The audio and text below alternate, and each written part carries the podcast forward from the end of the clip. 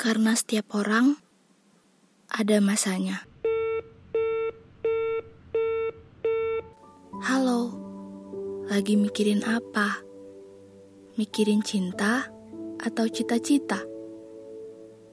Kenapa masih terjaga? Atau capek ya? Saya lagi pengen chat kamu, tapi bingung mau mulainya dari mana. Jadi, saya ngomongnya di sini aja ya, dan kirim voice note ini. Saya mau ngobrol, mau ketemu, tapi makin ke sini, rasanya kita jadi makin jauh. Kamu ngerasa gitu juga nggak? Saya merasa kesepian. Meski saya tahu kalau saya punya banyak teman, tapi rasanya gak ada ruang untuk bercerita. Ibarat sebuah film, di masa pandemi ini seolah sedang dijeda, terhenti seketika. Saya kehilangan beberapa teman, terlebih lagi secara emosional seolah kita terputus. Dulu, kalau mau apa-apa, gak ada rasa sungkan. Mau nyapa, ya nyapa aja Mau ngajak main, ya langsung berangkat. Mau curhat, ya mudah untuk bertemunya. Mau ngobrol berjam-jam pun, gak ada rasa sungkan. Tapi sekarang saya merasa semuanya sudah berubah. Semuanya berubah seiring waktu dan kita tumbuh dewasa. Tiap pertumbuhan itu muncul banyak perjumpaan dan mengalami banyak perpisahan. Kedatangan satu orang, namun di lain hal mengalami kehilangan satu orang. Kalau katanya yang hilang akan berganti, mungkin memang benar, tapi pasti berbeda.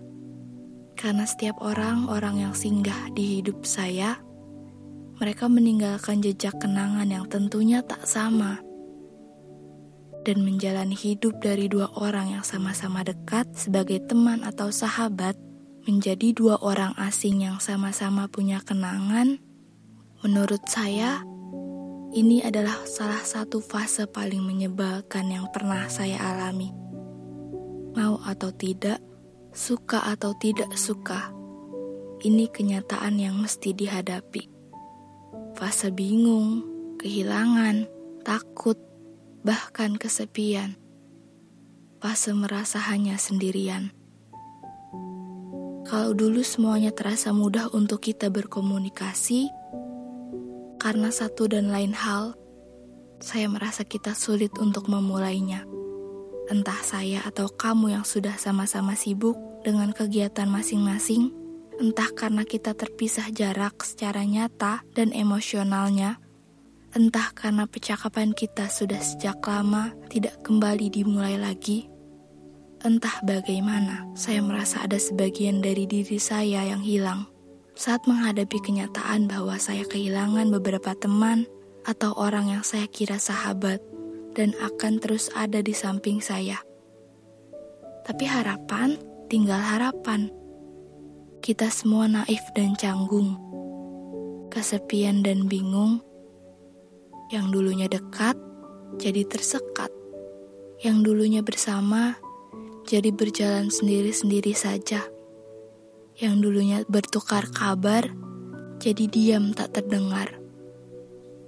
Sekarang, kalau mau mulai percakapan, mesti cari intensi, tujuan, atau topik lebih dulu. Lalu mesti mencari namanya di kontak. Bahkan, Sebelum mengetik pun bisa tiba-tiba berubah pikiran dan akhirnya nggak jadi karena takut mengganggu. Kita bisa nggak sih kayak dulu lagi?